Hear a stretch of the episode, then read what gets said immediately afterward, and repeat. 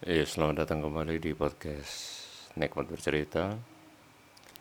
Uh, Barang gue nama Sabram uh, Podcast ini adalah media gue buat bercerita Karena gue ya um, Ya berdasarkan kesotoyan gue Gue yakin semua orang senang cerita.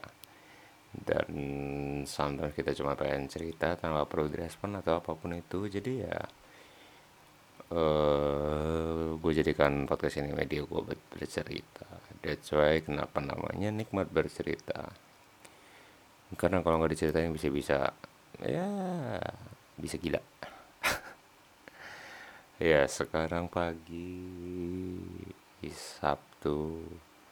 Uh, Imlek selamat Imlek bagi yang merayakan. Mata gue juga sipit tapi gue nggak ngerayain eh gue nggak tahu mau ngomongin apa. Sebenarnya gue nggak mau merekam apa sebenarnya gue nggak mau merekam apa pun tapi ya rekam aja lah. Tuh ya selama ini juga nggak jelas kok apa yang gue rekam. Eh apaan ya? Gue lagi pengen bahas ini deh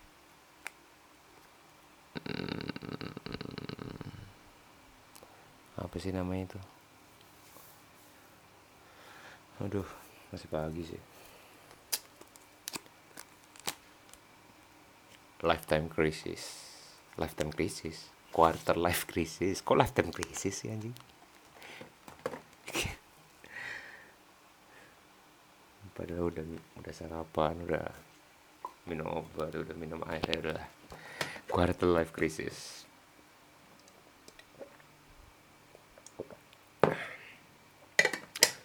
Hmm, so jadi uh, kenapa ya gue pengen bahas ini? Uh, oh, I see.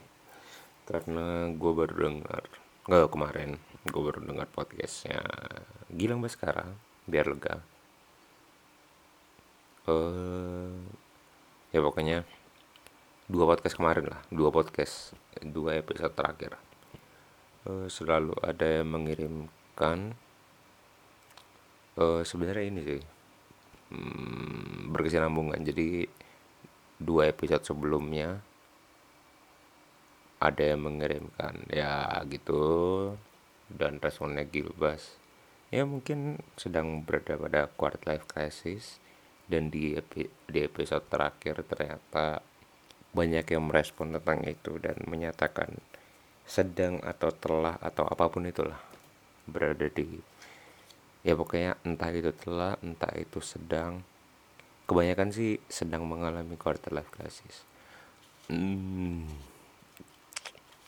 jadi uh, first of all gue merasa gue pernah. Gue nggak tahu gue masih apa enggak tapi gue pernah di posisi itu. Oh ya uh, sebelumnya gini. Uh, jadi quarter itu kan quarter life crisis itu kan uh, quarternya itu kan seperempat dan dihitungnya dari 100 dan biasanya aduh sebenarnya ini mendingan gue bahas sama ini sih sama temen gue yang anak psikologi atau temen gue udah jadi psikolog ya? Gitulah. Uh, tapi ya udah lah ya ini berdasarkan perspektif gue aja. Hmm, jadi kan quarter itu hitungannya dari uh, seperempat dari 100 itu itu di 20, angkanya 25 jadi quarter life crisis itu biasa terjadi di dekade ketiga dalam kehidupan kita. Uh, yang mana uh, kisaran 20 hingga 30 tahun. Uh, tapi ada yang sebelum 20 kayak ya 18 19 udah kejadian. Ada juga yang uh, early 30 masih masih kejadian ada juga.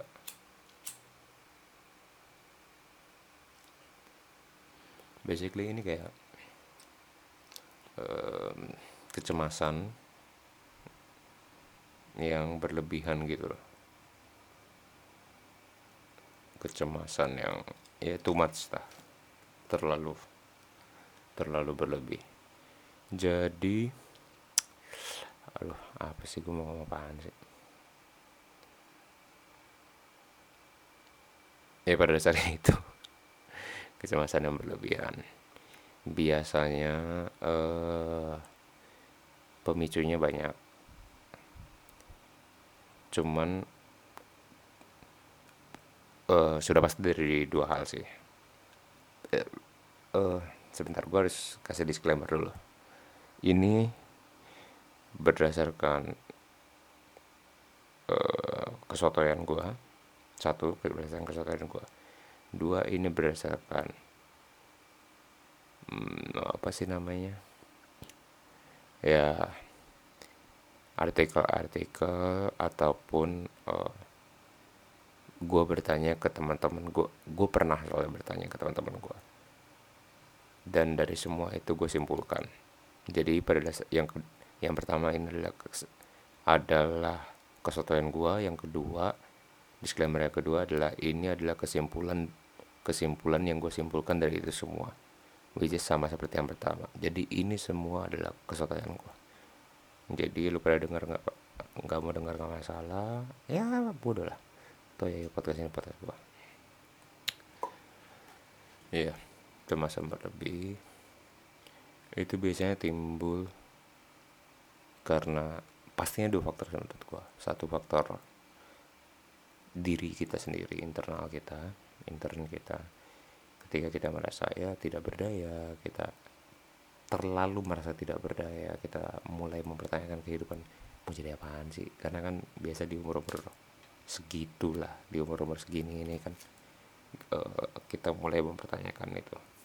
Kita mau jadi apa? Uh, mengejar passion kah? Lari dari zona nyaman kah? Uh, nikah umur berapa? Ya segitu gitulah sama faktor dari luar itu ya faktor lingkungan. Dan menurut gue ini dari sudut pandang gue ya. Balik lagi ini dari reflektif gue ini agak kompleks ya menurut gue sudut pandang eh dari faktor eksternal ini. Satu ya lingkungan langsung ataupun tidak langsung. Yang tidak langsung itu menurut gue kayak kecenderungan kita bermain uh, sosial media ngeliat hidup orang lain mungkin sebelum masa-masa kita cemas sama hidup kita ini pas kita ngeliat orang lain itu paling biasa aja gitu.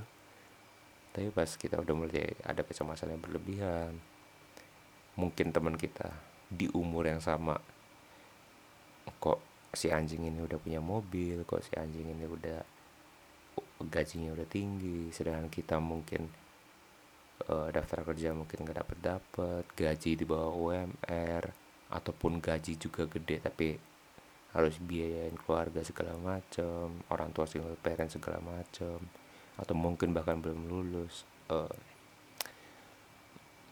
itu kayak faktor eksternal kayak gitu tuh. Sosmed terus keluarga mungkin tuntutan keluarga ya tuntutan keluarga yang mungkin anaknya punya masalah di kampus. Tapi ada tuntutan segera lulus segala macam. Padahal tidak sesuai. Mungkin dari awal masuk aja udah tidak sesuai sama uh, minatnya segala macam. Tapi terpaksa diiniin dilanjutin hanya karena nurutin keluarga. Atau sebenarnya yang paling umum terjadi kalau yang tentang keluarga ini nikah sih ya. Karena sudah ter, uh, karena ada tuntutan untuk ya di bawah 30 sebelum 30 tahun udah harus menikah dan punya anak. Jadi jarak sama anak yang terlalu jauh bla bla bla bla uh, gimana ya?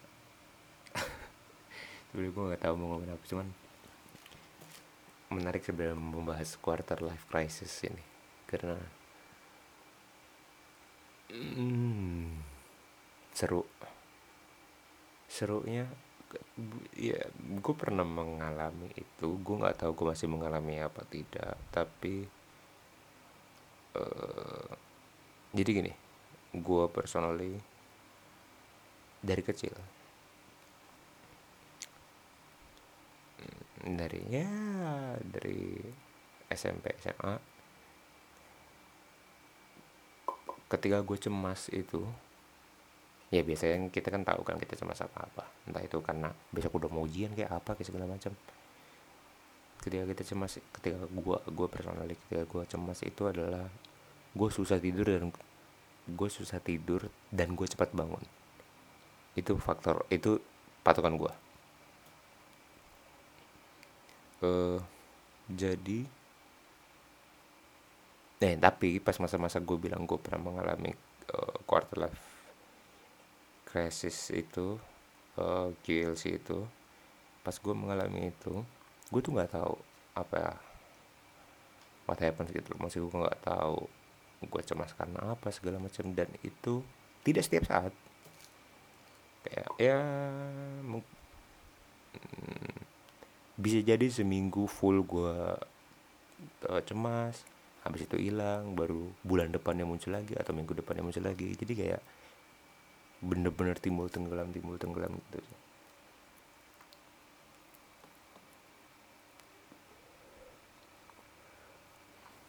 hmm, itu kayak enak sih tapi asli nggak enak. Itu sangat gak enak.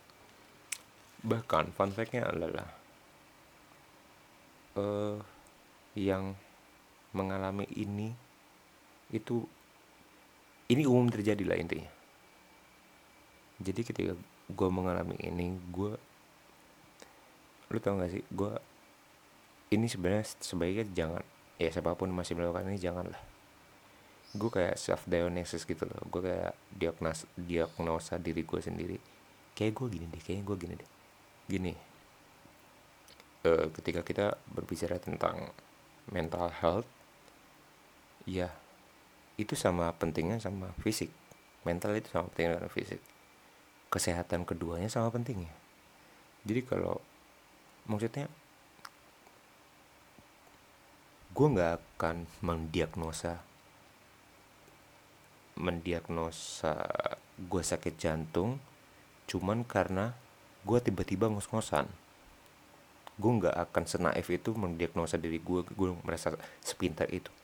Atau cuman karena tangan gue keringetan. Lu tau kan kalau tangan basah itu kan katanya sakit jantung sakit eh, padahal kan eh, salah satu ciri-ciri sakit jantung adalah tangan keringetan. Tangan ya gampang atau sering atau apa pun itu tangan keringetan tapi bukan berarti tangan keringetan itu sakit jantung. Jadi gue mendiagnosa gue nggak nggak punya kemampu uh, tidak tidak akan seegois itu merasa diri gue sehebat itu mendiagnosa gue sakit jantung apaan sih? Gue ngomong apaan sih? Ya pokoknya gitulah. Gue enggak nah tapi e, karena kala itu gue tidak me gue masih memandang e, mental issue itu hal ya sebelah mata lah. E, umumnya gue denial sih. Awalnya gue denial. Alah enggak lah nggak apa-apa nggak apa tapi ketika itu sudah mulai cukup mengganggu gue mulai sebenarnya kalau itu udah cukup mengganggu teman-teman siapa pun lah yang kalian yang mendengar. Gue yakin ada yang dengar. Enggak juga nggak apa-apa sih gue cuma pengen ngomong. Kalau itu juga sudah cukup mengganggu uh, periksakanlah psikolog psikiater atau ya praktisi kesehatan mental lainnya. Itu penting. Karena kalau ini nggak kelar hidup nggak enak jadi uh, eh, gue lupa ini kata-kata siapa ya. Gue lupa ini kata gue pernah baca di mana gue juga lupa. Uh, jadi salah satu gini uh, intronya gini. Salah satu ciri uh, uh, QLC uh, adalah kurang termotivasi, tidak menemukan motivasi. Ya kan?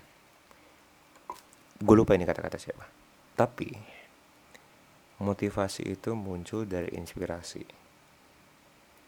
ini gue lupa banget nih kata-kata siapa aduh ntar gue inget-inget deh kalau gue kalau gue bener-bener nemu ntar gue taruh di description ini kata siapa jadi motivasi muncul dari inovasi dari inspirasi dan inspirasi hanya muncul ketika kita sudah menyadari value hidup kita itu apa. Dan biasa di perjalanan kita menuju kedewasaan ini uh, kita mulai krisis identitas kembali. Krisis identitas jilid dua biasanya dibilangnya. Karena kan pas ABG kan kita sudah mulai krisis identitas kita mulai mencari identitas kita segala macam. Dan ini kayak krisis identitas kembali uh, gini ketika lu cemas berlebihan ketika lu bangun pagi atau sebelum tidur malam lu bertanya-tanya gue ini siapa sih? Apa sih yang gue lakuin ini? Kenapa sih gue kayak gini? Tujuan hidup gue mau ke mana sih? Mau sampai kapan sih gue kayak gini? Kalau lu cuman ya kalau cuman menurut gue ya ya siapa pun yang dengar kalau ada pemerhati kesehatan mental dan gue yang gue katain ini. Dan yang gue ucapkan ini salah gue minta maaf sebelumnya. Tapi kalau cuman sekedar berkata-kata uh, mengucapkan maksudnya lu hanya menyampaikan gimana ya? Kata-kata itu hanya keluar dan terbesit begitu saja tanpa mempengaruhi kehidupan lu secara langsung. Kayak maksudnya ketika lu berkata begitu tapi cuman karena penasaran aja gue ini siapa sih? Ya udahlah uh, ya mungkin lu cuman cemas biasa. Atau mungkin lu memang lagi lagi begitu. Tapi ketika itu sudah mempengaruhi produktivitas lu itu udah mempengaruhi uh, lu bangun pagi lu bingung lu siapa lu bertanya-tanya ke diri lu sendiri lu siapa dan sembari bertanya-tanya ke diri lu sendiri lu sampai lupa waktu lu sampai nggak makan uh, ya pokoknya sampai lu tidak beraktif ketika itu sudah mempengaruhi kehidupan lu produktivitas lu kehidupan lu dalam bersosial dan menjaga diri lu sendiri gue saranin ke uh, ke ahlinya lah. Ke ahlinya. Karena uh, bisa damp ya dampaknya bisa panjang sih. Memang QLC ini kan umum terjadi. Tapi aduh gue takut salah ngomong ya sebenarnya. Maksudnya gue tahu ini ada yang denger soalnya. Maksudnya gue tahu yang denger gak banyak ya tapi gue tahu ini ada yang denger tapi gue takut salah ngomong sebenarnya yang ya gini deh. Ya kalau gue salah ngomong siapa pun yang paham kalau gue salah ngomong gue minta maaf ya. Tapi ini dari sudut pandang gue dari perspektif gue uh, someone yang tidak tahu sih apa-apa nobody yang nggak tahu apa-apa. Ini dari perspektif gue kalau lu cuman ya memang QLC itu kan umum terjadi. Tapi kan bukan berarti GLC itu tidak uh, tidak bisa berdampak ke eh tidak bisa berdampak lebih lanjut. Gue nggak tahu ini aduh harusnya gue searching dulu ya. Masih ngecas lagi ya udah menurut gue ketika GLC itu tidak disadari tidak di gue bilangnya tidak dinikmati. Gue bilang nanti gue jelasin kenapa gue bilang ini tidak dinikmati. Kenapa gue pakai kata-kata tidak dinikmati? Ketika tidak disadari tidak dinikmati dan bener-bener uh, ketika ada orang yang ya misalnya ketika lu QLC lu lagi merasa eh lu merasa terombang ambing dan lu biarin diri lu terombang ambing terus tidak menutup kemungkinan itu akan berdampak ke depresi. Tapi ada tapi tapi jangan biarkan lu mendiagnosis diri lu sendiri lu depresi. Jadi gini aduh ini sosial media ini benar-benar pedang bermata dua ya. Uh, di situ kita bisa lihat tingkah laku orang dan kita jadi mempertanyakan value hidup kita. Kayak tadi gue bilang awal dan karena uh, banyak uh, apa ya praktisi-praktisi tenaga ahli kesehatan mental yang menurut gue sekarang lebih ini sih lebih apa lebih lebih aktif lah dalam meng membranding kalau ya it's okay untuk ke psikolog segala macam. Jadi ingin menyadarkan orang-orang kalau kesehatan mental itu penting. Tapi orang-orang yang sok tahu di Indonesia itu banyak. Dan mau taunya cuma setengah tapi sok taunya gede. Jadi dia cuma mau tahu yang dia tahu dia cuma mau tahu setengah. Yang dia mau tahu adalah ya kesehatan mental itu penting tapi sok taunya kegedean saking sok taunya. Jadi ya dia mendiagnosa dirinya sendiri. Kayaknya gue depresi deh. Men kalau lu belum ke tenaga medis apa pun jangan klaim diri lu sendiri depresi. Lu siapa? Maksudnya itu penyakit. Depresi itu penyakit literally. But ada lu butuh tenaga ahli untuk uh, memfonis, mendiagnosis hingga memfonis hingga mengklaim kalau lu itu apa ya? kalau lu itu depresi. Lu tau gak sih sekarang itu kayak kayaknya gue depresi deh, kayaknya gue de lu siap, lu nggak akan tahu lu depresi apa enggak kalau lu nyebut diri lu sendiri depresi. Itu kayak lu introvert tapi lu nyebut diri lu sendiri introvert, bukan lu yang nentuin lu introvert atau bukan emang kalau lu pengen diem itu fakta ada kalau lu introvert. Aduh lu gue bingung deh gimana. Ya gitu dah. Menurut gue sih ya kalaupun gue salah ya bodo amat lah ya.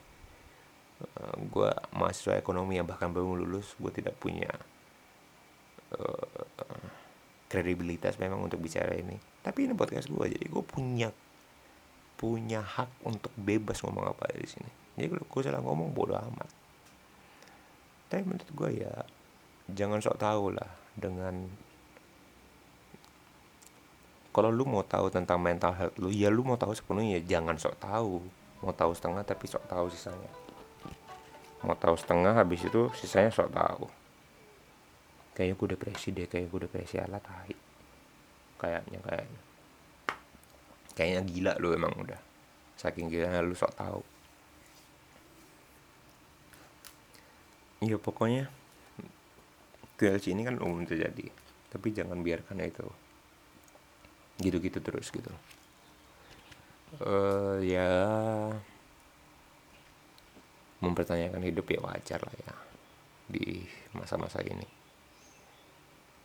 Uh, pokoknya menurut gue sih ini in my opinion lah my opinion aduh.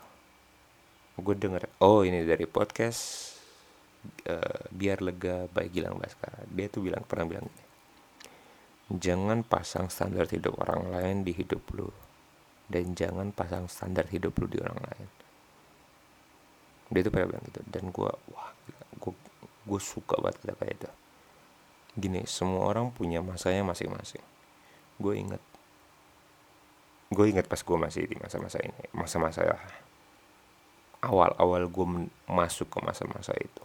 Ke masa-masa gue merasa masa-masa gue cemas yang sangat berlebihan itu. Itu parah banget. Gue nggak bisa tidur sampai jam 4 ketiduran dan setengah lima setengah lima nggak berlebih nggak setengah lima juga.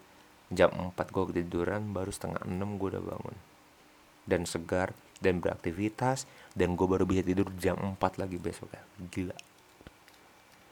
Ya pokoknya di masa-masa itu gue menemukan sebuah video. Gue gue dikirimi sebuah video.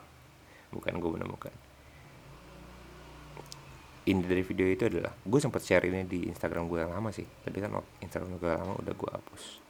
Gue punya Instagram baru intinya video itu gue lupa itu kotanya apa aja apa. Pokoknya intinya kayak gini. Misalnya gini. Jakarta satu jam lebih lambat dari Jayapura. Tapi bukan berarti Jakarta terlambat. cuman dia emang jamnya aja yang telat. Terus Barack Obama jadi presiden itu umur?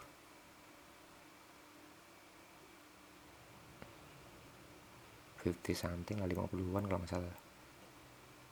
Habis itu dua kali kan eh dua periode turun. Donald Trump baru naik umur berapa? Tujuh berapa sih dia? 60-an apa 70-an dia baru naik ya? Lupa apa jadi inti dari video yang mau kita dikasih ke gue sih semua orang punya masanya masing-masing semua ada waktunya masing-masing. Makanya gue bilang uh, tadi ya tentang menikmati itu.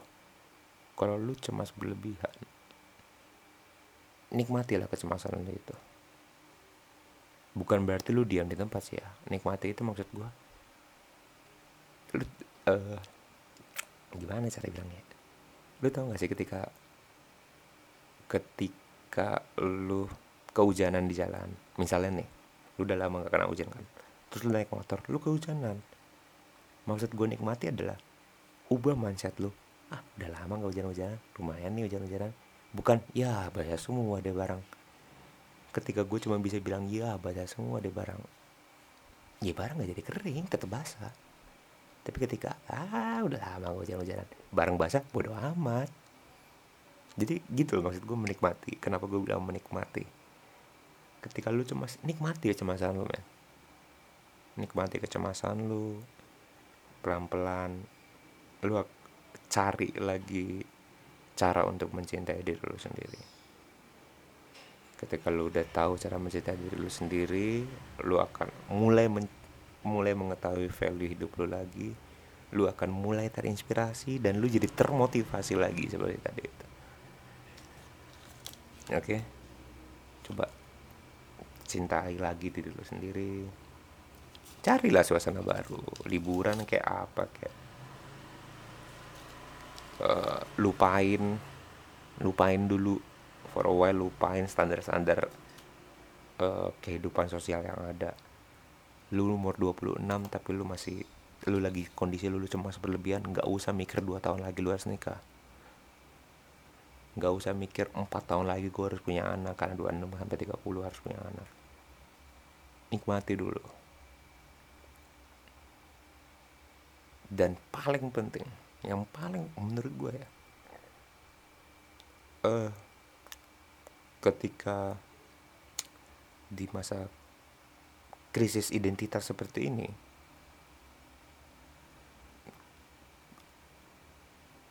kan goyang ya. Kita pasti goyang. Si si pengidap. Pengidap kayak sakit aja sih? Itu sakit bukan sih? Itu mental mental issue bukan mental illness. Nggak tahu lah. Itu masalah mental bukan penyakit mental harusnya. Ini nggak tahu lah. Si pengidap quarter life crisis ini ketika itu menimpanya kan kita pasti goyang. Jadi sekuat apa pun otak kita internal kita dari diri kita sendiri untuk cari cara untuk mencintai diri kita pasti lebih kuat faktor luar untuk goyang itu. Karena tadi ada faktor internal dan eksternal. Jadi yang paling penting kalau yang tadi ya ada liburan lah segala macam ada lupain standar-standar ya lupain segala target-target lu for a while lah. Tapi dua hal paling penting. Satu cinta diri lu. Dua tutup telinga lu dari omongan orang lain. Oke? Okay? dengar orang yang pengen lu dengar aja. Kalau lu merasa orang tua lu penting untuk lu dengar ya dengar orang tua lu. Kalau lu merasa sahabat lu satu orang dua orang tiga orang empat satu satu geng lu penting untuk lu dengar ya dengar. Yang lain bodoh amat. Tutup telinga lu dari yang lain. Lu tahu gak sih nggak usah. Orang yang aduh gimana ya? Uh, di sekitar kita itu uh, berlimpah orang yang hobi baca tentang hidup orang lain. Hobi banget ini ini episode berapa sih podcast ini? Lima ya? Lima kalau nggak salah. Lima apa enam? Ya lupa gue ada lo yang bilang ke gue ngapain gue bikin gini? Lah suka suka gue dong.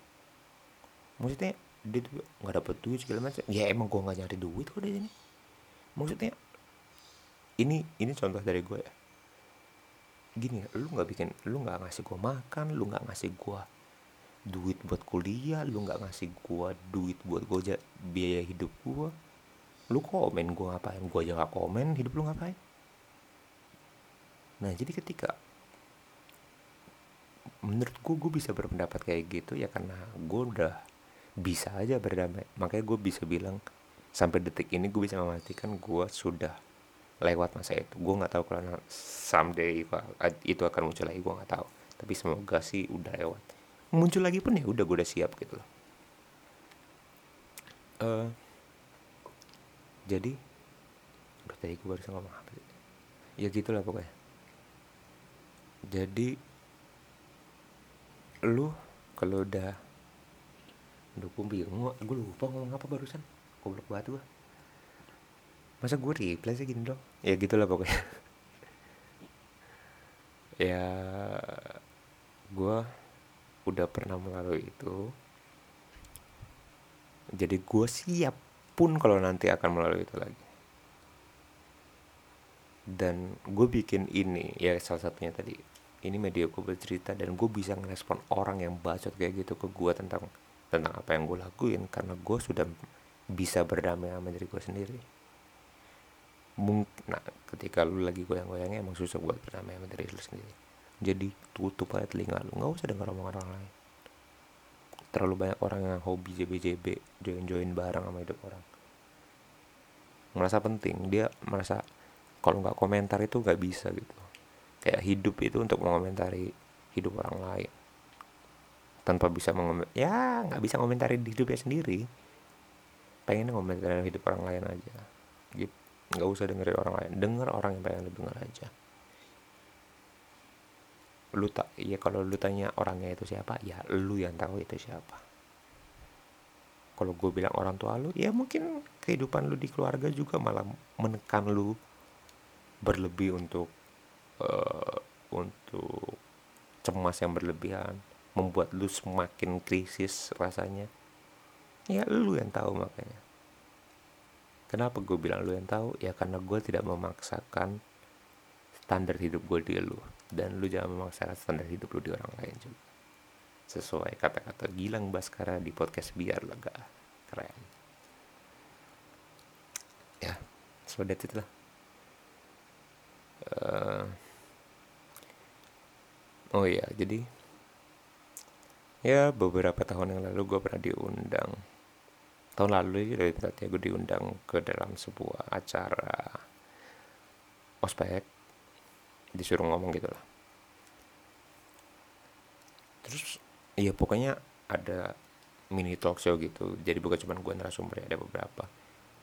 Terus cerita-cerita ya biasa kan cerita-cerita terus pas di terakhir itu disuruh kasih kata-kata gitu kata-kata penutup kata-kata kayak apa motivasi terakhir. Gue nggak tahu kenapa mungkin karena gue lagi di masa itu tapi kata-kata yang gue ucap adalah uh, setiap masanya itu punya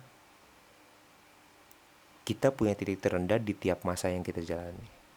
Ketika lu di SMA lu punya titik terendah lu ketika lu di kuliah lu punya titik terendah lu ketika lu di kuliah tapi lu lagi di mat, di akademik lu punya titik terendah lu lu di kuliah lu di lingkungan sosial kuliah lu lu punya titik terendah lu lu di kuliah lu di lingkungan non akademik lu punya titik terendah lu. Jadi kayak lu di keluarga lu punya titik terendah jadi kayak ya selalu ada titik terendah dalam masa-masa yang masa-masa yang kita lalui gitu. Dan lu perlu cari itu. Lu perlu cari dan sadari kalau itu titik terendah lo gue bilang gitu waktu itu gue bilang gitu karena kalau lu udah sadar itu titik terendah lu lu mau diapain aja lu udah kuat nanti. Gue nggak tahu kenapa gue bilang gitu. Nah terus habis gue ngomong gitu gue jadi tergelitik sendiri karena itu kayak kayaknya gue ngomongin diri gue sendiri juga deh. Karena waktu itu gue belum sadar aja. Nah waktu itu lah gue mulai mencari tahu ah, gue kenapa? Dan waktu itulah gue perlahan-lahan mulai mulai mencoba untuk menikmati ya emang ini. Hidup emang harus gini. Hidup itu nggak adil ya men. Hidup itu nggak adil intinya. Lu nggak bisa. Kalau lu nyari hidup yang adil telat. Udah telat lama banget. Udah. Kalau lu nyari hidup yang adil hidup yang enak ya itulah.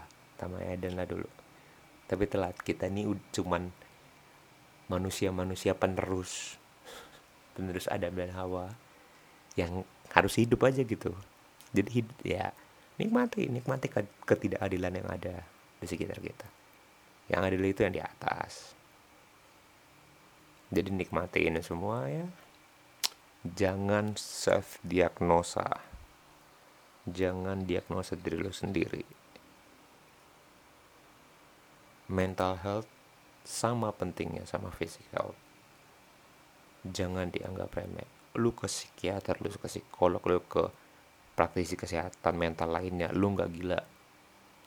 Lu keren justru.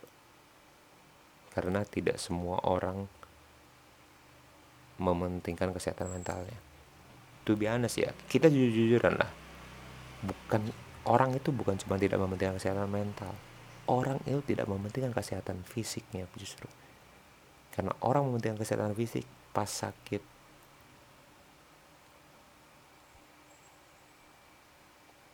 Uh, gue bisa mikir gitu karena si Adera itu pernah bilang di Indonesia itu perlu dibedakan Kementerian Kesehatan dan Kementerian Kesakitan. Karena Kementerian Kesehatan itu terlalu fokus untuk menyehatkan orang sakit daripada memberdayakan orang sehat. Atau lebih menyehatkan orang yang sehat. Jadi gue mikir gitu. Ya orang Indonesia bukan cuma tidak peduli sama kesehatan mental tapi juga ternyata tanpa kita sadari kita juga banyak dari kita yang juga tidak peduli sama kesehatan fisik.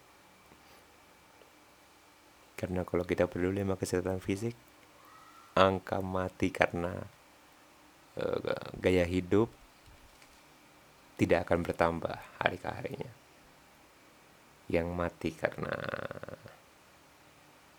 apa sih? Apa sih? Gula darah segala macam. Sebenarnya bukan jangan bilang mati lah. Yang masih muda tapi udah asam urat yang masih muda tapi udah udah gula darah udah obes ya penyakit penyakit tua lah. Obes kayaknya bukan penyakit tua ya iya kali ya tau lah pokoknya penyakit penyakit orang tua. Tanpa kita sadari kita tuh tidak tidak peduli bahkan nama kesehatan fisik kita. Jadi nikmati kecemasan lu men. Nikmati kecemasan lu. Ini proses yang memang harus dilalui sebagai umat manusia. Karena kalau lu bisa lalui kalau memang lu lagi berada di posisi ini dan lu bisa ngelalui ini lu di depan sana lu mau diapain orang juga? Lu dibegal juga lu begal balik paling begal. Lu udah siap ngadepin hidup gitu. Gue ngomong ini pun bukan karena gue sempurna segala macam. Gue cuman ya sharing apa yang pernah gue lakuin. Saat banyak balik lagi ini adalah media gue buat cerita. Gue cuman ya ngasih tahu apa yang pernah gue lakuin gue cuman memberikan perspektif gue kalau kecemasan ini perlu dinikmati aja gitu. Cuman ngasih ya pokoknya gue ngasih tahu apa yang pernah terjadi ke gue dan apa yang pernah gue lakuin dan kesimpulan kalau ini tuh harus gini gini gini gini. Itu semua cuma kesimpulan gue perspektif gue dari seseorang yang tidak tahu apa-apa tentang mental health. Orang yang cuma tahu dari artikel-artikel segala macam jadi ya tidak usah percaya semuanya sepenuhnya. Tidak didengar pun nggak masalah sih. Cuman itu yang yang mau gue kasih tahu. Pokoknya ya walaupun gue bodoh sih saya gue tahu kalau mental health itu penting. So, ya udahlah gitu aja lah. Uh, jangan lupa kalau lu pada mau cerita apa pun itu bentuknya uh, kirim aja ke podcast nikmat bercerita at gmail.com karena gue gak tahu deh gue mau bahas apa abis ini. So biar gue ada bahan bahasan aja. Bahan bahasan aja ya. Yeah, that's it. Bye